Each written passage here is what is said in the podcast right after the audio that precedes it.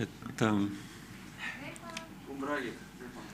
rebane, rebane, nei-, neiune rebane. see on siis meie neiupõlve mälestuseks see särk. aga sellest on ka juba varsti kolmkümmend seitse aastat, kui, kui tegelikult peaks, siia peaks panema põrg, korva, kõrvale ka porgandi. sellepärast, et minu vanaisa tuhande üheksasaja viiekümnendatel aastatel aretas uue porgandisordi, mida nimetati Tomuski porgandiks. see sort on kuskil olemas, mingi kümme-viisteist aastat tagasi Nõmme turul üks vanatädi müüs veel Tomuski porgandit. nii et see on noh, täiesti reaalselt eksisteerinud ja, ja, ja minu vanaisa sai selle eest Stalini pildiga aukirja. see on, see on meil kapis olemas aga, aga mitte sellest ei tahtnud ma rääkida ja, ja, ja tegelikult ei tahtnud ma ka sellest rääkida, millest ma rääkima hakkan. minu esialgne plaan oli äh, rääkida sellest, mida piibel ütleb unenägude kohta. sest see on hästi põnev teema ja, ja mul on endal äh, nendega selline omapärane kokkupuude mõned inimesed ütlevad, et nad ei näe unenägusid eriti, mõned ütlevad, et nad näevad, ei mäleta. mina näen tihti ja, ja mäletan ja ma olen saanud sealt väga palju informatsiooni, mitmed minu raamatud on sündinud unes. see tähendab, et ma olen lihtsalt unenäost saanud selle teema või terve raamatu ja olen selle siis kirja pannud, aga ma sain aru, et täna ma pean rääkima hoopis teisel teemal ja, ja, ja selle unenägude teema võtame kunagi siis, kui, kui, kui selleks on õige aeg. aga mm, tänase loo või, või, või jutluse või epistli äh, pealkirjaks võiks panna siirast südamest. ja, ja see lugu sai alguse sellest et äh, eelmisel aastal, kuskil aasta lõpus ma lugesin no tõenäoliselt üsna juhuslikult prohvet Nehemia raamatust kaheksandast peatükist kaheksandat salmi.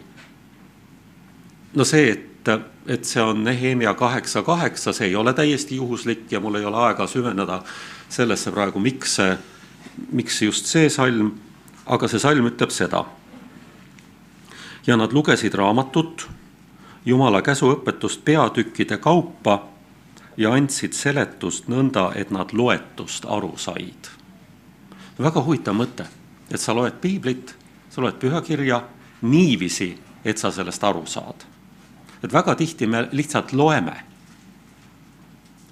aga lugeda nii, et sa sellest aru saad, on, on tegelikult täiesti teine asi ja, ja ma hakkasin lugema niiviisi. see tähendab, et ma, ma tõenäoliselt, ma arvan, et ma olen oma senises elus piibli läbi lugenud. kas kõik salmid, kas kõik tähed ja punktid ja komad, ma seda ei oska öelda. aga tõenäoliselt ma olen piibli läbi lugenud. uue testamendi tõenäoliselt mitu korda ja tõenäoliselt ka Vana Testamendi, aga ma ei tea täpselt seda. ja nüüd ma võtsin Vana Testamendi esimeselt leheküljelt lahti ja otsustasin, et ma loen iga päev umbes kaks peatükki ja ei jäta ühtegi punkti vahele. meil on kiusatus vahele jätta äh, neid suguharude nimekirjasid või see, kui Iisraeli rahvas tuleb Paabeli vangipõlvest välja või, või Egiptusest tuleb välja ja, ja kui on loetletud peaaegu et nimeliselt, kes sealt välja tulid, kes olid suguvõsade vanemad, kes olid peamehed, kui palju neid oli. no miks on inglise keeles neljanda Moosese raamatu pealkiri, kuidas? Numbers, seal on järjest numbrid, kes kui palju. ja, ja meile meeldib neid vahele jätta, aga ma otsustan, et ma ei jäta mitte midagi vahele. iga päev öö, umbes kaks peatükki.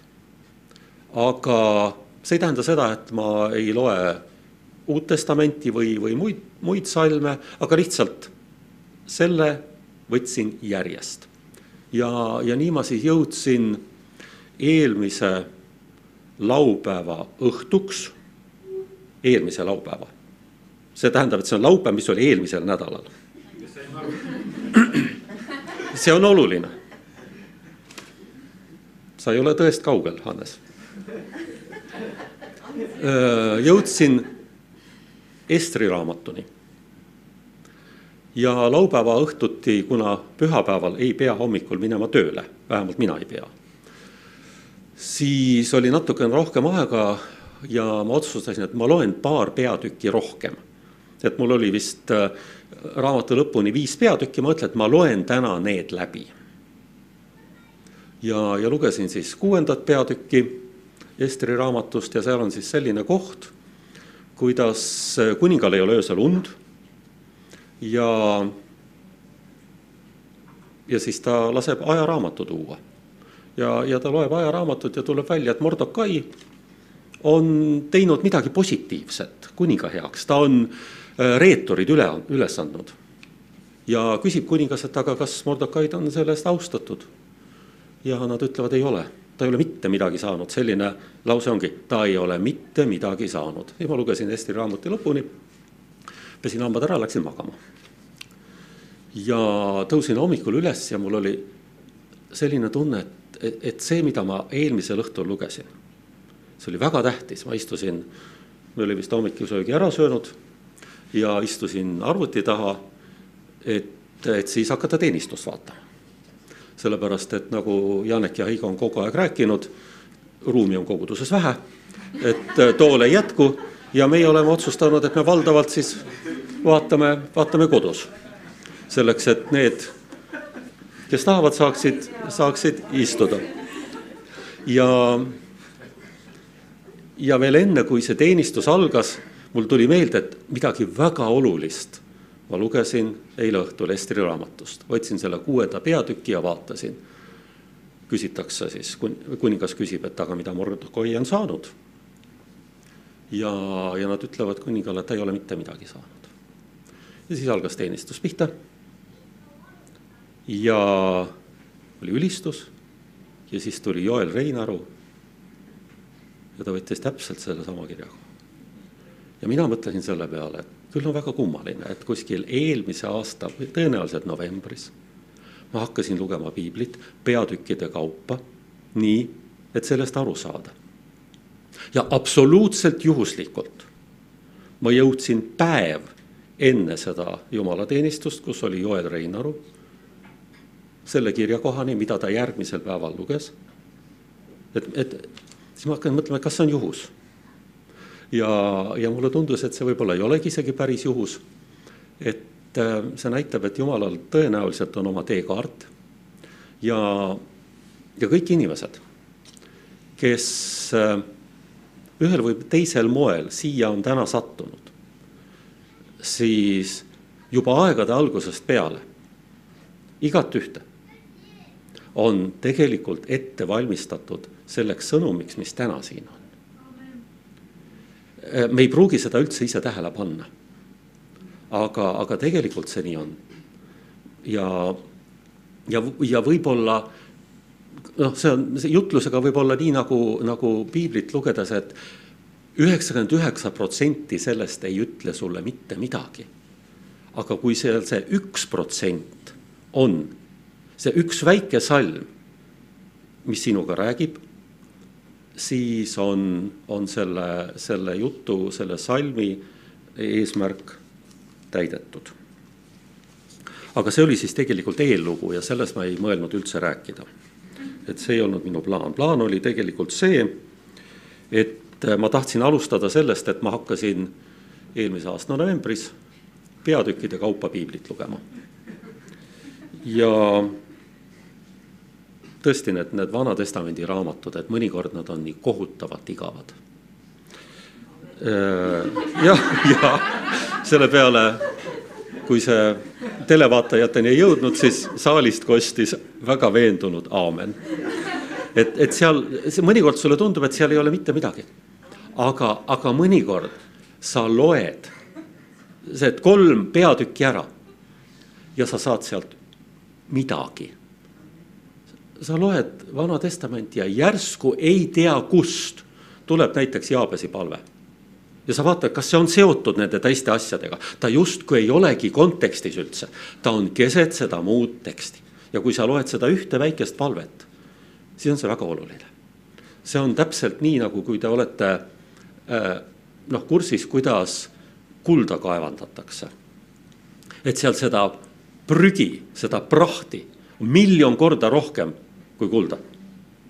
aga kui sa teed tööd ja näed vaeva, siis sa saad selle kulla kätte, nagu Tammsaare on öelnud. ta ei rääkinud muidugi kullast. ja kuningate raamatutes ja ajaraamatutes on väga tihti, seal on, need on tõesti, ütleme noh, üpris igavad lood, mis seal nende kuningatega toimub. aga väga tihti räägitakse või antakse selle noh, iga kuninga valitsemisaja kokkuvõtte alguses väike iseloomustus mida see, missugune see kuningas oli. Ja mõne kohta on öeldud niiviisi, lihtsalt lühidalt, lühidalt, et ta tegi, mis on õige Jehova silmis.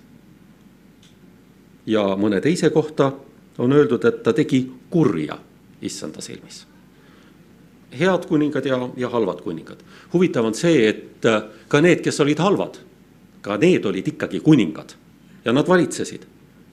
nii et jumal ei teinud niiviisi, et valitsevad ainult väga head kuningad mõnikord valitsesid ka väga halvad ja kohati tundub, et isegi väga rumalad kuningad. ja, ja üldjuhul tuleb välja siis see, et see kuningas, kes äh, tegi, mis on õige Jehova silmis, et temal justkui läks hästi. noh, eriti tuleb see välja lahingutes, sellepärast et, et seal on kohutavalt palju lahinguid on Vanas Testamendis. kuningate raamatutes ja ajaraamatutes nad kogu aeg kaklevad omavahel ja Iisrael ja, ja Juuda kaklevad omavahel ja siis ümbruskaudsete kuningatega kaklevad omavahel. ja, ja, ja peamiselt on juttu sellest, kas Juuda võidab või kaotab. kas Juuda suguharu võidab või kaotab.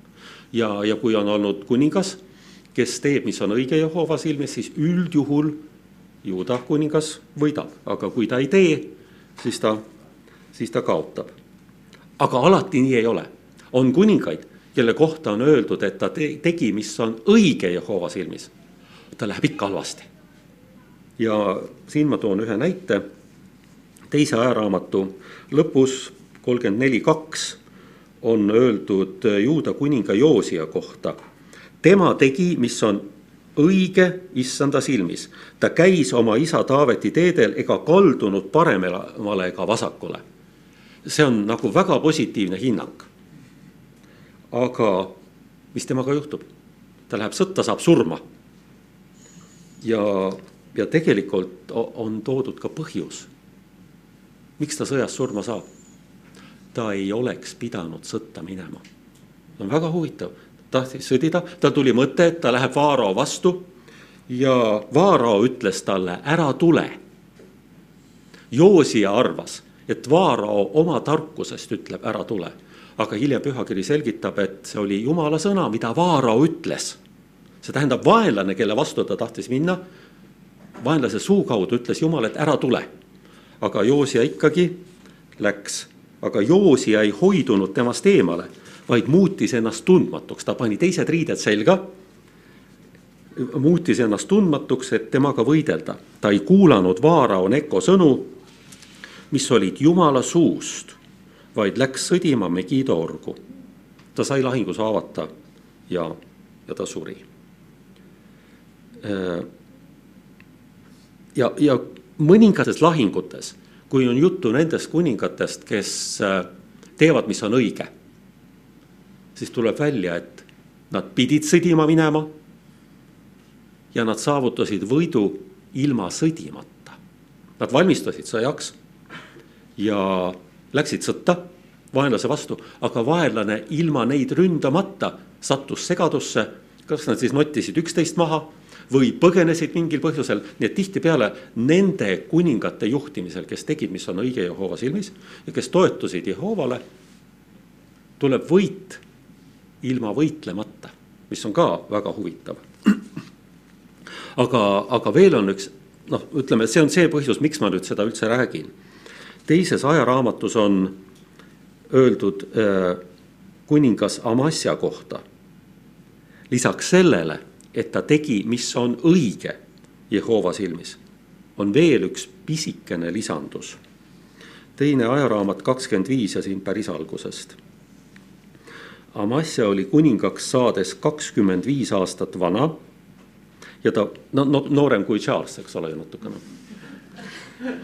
Amasja oli kuningaks saades kakskümmend viis aastat vana ja ta valitses Jeruusalemmas kakskümmend üheksa aastat. tema ema nimi oli Joadan Jeruusalemmast. tema tegi, mis on õige issanda silmis, aga mitte siirast südamest. ta tegi kõik, mis on õige. aga ta ei olnud sealjuures siiras. et äh, mida see siis toob kaasa, kui kuningas teeb kõik õigesti, aga ei ole selle juures siiras. esimese asjana ütleme, kuna Amasja isa oli vandenõulaste poolt tapetud, siis esimese asjana Amasja tapab need vandenõulased, notib kõik maha ja tema, ütleme, tunnustuseks on öeldud, et ta notib maha ainult need vandenõulased, aga nende lapsed ta jätab elama. sellepärast, et igaüks peab siis surema oma pattude pärast, mitte oma vanemate pattude pärast teine asi on see, et äh, ta plaanis minna sõtta. ja tal oli oma sõjavägi. aga selleks, et tunda ennast tugevamana, ta palkas Iisraelist, see on siis noh, teistest suguharudest, palkas saja hõbedalendi eest sada tuhat sõjameest juurde. ühesõnaga, ta tugevdas oma sõjaväge ja see sada hõbetalenti siin paar pühapäeva tagasi oli ka juttu sellest, et, et mis, mis see väärtus võiks olla, et tänapäeva vääringus võib see olla umbes kaks ja pool miljonit eurot. aga, aga seda tegelikult ei ole võimalik võrrelda, mis on, mis oli hõbeda hind siis ütleme kolm tuhat aastat tagasi umbes näiteks ja, ja mis ta on praegu, mis selle väärtus on, aga see oli päris suur, päris suur raha, no tegelikult ikkagi väga suur raha. nii et ta tugevdas oma sõjaväge tundub mõistlik. tahad sõtta minna, sa, sulle tundub, et sul on sõjavägi natukene nõrk, sa palkad kedagi juurde. ja tema juurde tuli prohvet. ja ütles, et sa ei tohi endale abiväge palgata. prohvet ütles niiviisi, sest kui sa nõnda tugevdatult sõtta lähed, paneb Jumal sind komistama vaenla, vaenlase ees. Jumalal on ju võimus aidata või panna komistama. ja, ja põhiline etteheide oli siis see, et sa ei lootnud või ei pannud oma usaldust mitte Jumalale, vaid äh, palgasõduritele, kelle sa juurde palkasid. ja siis küsis, see on siis üheksandas salmis siit, siis küsis Amasja jumalamehelt, aga kuidas jääb selle saja talendiga tema oli mures oma raha pärast. see on väga huvitav, mida siin jumalamees ütleb. kuidas jääb selle saja talendiga, mis ma olen andnud Iisraeli väehulgale. ja jumalamees vastas. Jehova võib sulle anda rohkem, kui see on. Ühesõnaga ta ütles, ära selle raha pärast muretse, see on täiesti kõrvaline asi. oluline on see, et sa oma võitlustes paned siis usalduse Jumala peale nii, ja kuningas Amasja lähebki sõtta ja on võidukas. ta hävitab vaenlased. aga need, kelle ta oli koju saatnud, need pöördusid tema vastu. Need tulid tema linnadesse ja tegid seal väga palju kurja. aga need, keda Amasja oli võitnud, nendelt võttis Amasja ebajumalad, tõi need oma kotta ja hakkas neid kummardama ja tuli veel üks prohvet ja ütles, et ära kummarda võõraid jumalaid. aga kuningas ei kuulanud teda. ja, ja siis otsustas seesama juuda kuningas Amasja minna Iisraeli vastu. Prohvet hoiatas teda, ära mine. ta läks, ta kaotas, ta põrmustati ja ta lõpuks suri ja ta tapeti. tähendab, see oli siis kuningas, kes tegi, mis on õige Jehova ees, aga mitte siirast südamest. nii et sa noh, see mõte on selles, et sa, sa võid nagu näiliselt teha kõike õigesti. Ja, ja võibki olla selline kirik näiteks, kus kõik on õigesti tehtud. kõik tõusevad õigel ajal püsti. kõik istuvad õigel ajal, ütlevad täiesti õigeid asju. liturgia on perfektne. aga, aga kui seda ei tehta siirast südamest, siis ütleme selle kirjelduse järgi head nahka sealt ei tule. et seal ei ole lihtsalt mõtet. sellest ei ole kasu. Ja teine lugu on Juuda kuninga Aasaga, teine ajaraamat ja kuueteistkümnes peatükk. et äh, Iisraeli kuningas tuli teda ründama. tema kutsus endale appi süürlased. täiesti nagu paganarahva ja ta andis ka süürlastele kulda ja hõbedat, nii et ta noh, palkas nad. süürlased läksid ja ründasid Iisraeli, kusjuures panete tähele, võitlus käib Juuda ja Iisraeli vahel. sest tegelikult nad on ju nagu vennad, eks ole. ja edasi on niiviisi öeldud. Äh, sel ajal tuli nägija Hanai, see on siis prohvet, Juuda kuninga Aasa juurde ja ütles temale et sa toetusid Süüria kuningale ega toetunud Jehovale, oma jumalale. seepärast on Süüria kuninga sõjavägi sinu käest pääsenud. Eks olnud etiooplased, liibüalased, suur sõjavägi, väga paljude vankrite ja ratsanitega. aga kui sa toetusid Jehovale, andis ta need sinu kätte. ja, ja nüüd on noh, tegelikult see, mille pärast ma üldse täna mõtlesin, et ma, ma sellest pean rääkima mis on hästi oluline ja mis minu jaoks oli natukene isegi üllatav, sest ma, ma arvan, et ma olen piiblit varem lugenud, aga, aga see kirjakoht oli kuidagi mul silmist või kõrvust mööda läinud ja mulle tundus, et see on üks hästi oluline asi. Äh, sest Jehova silmad uitavad kogu maal, mõtle seda sõna peale, nad uitavad kogu maal. kujutate seda?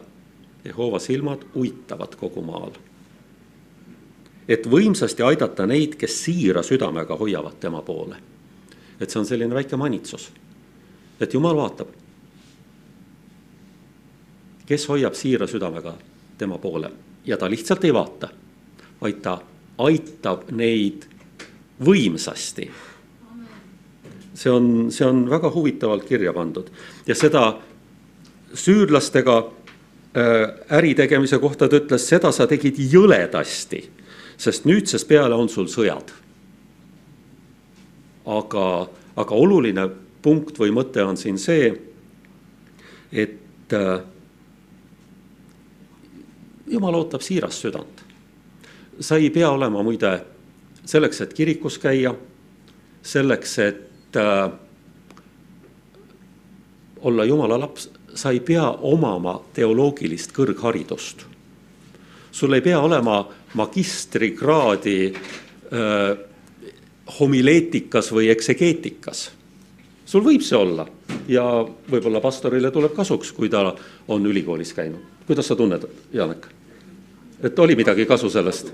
on, on, ütleb, Janek ütleb, oli kasuks ülikoolis käimine, aga tegelikult ega jumal ei küsi meie käest, kas sa oled ülikoolis käinud, kui sa ülikoolis käinud ei ole ja teoloogiat õppinud ei ole, ära kirikusse tule ei, ta ei ütle niiviisi. ta otsib neid, kes siira südamega hoiavad tema, tema poole. aga mida kuningas tegi? kuningas Aasa.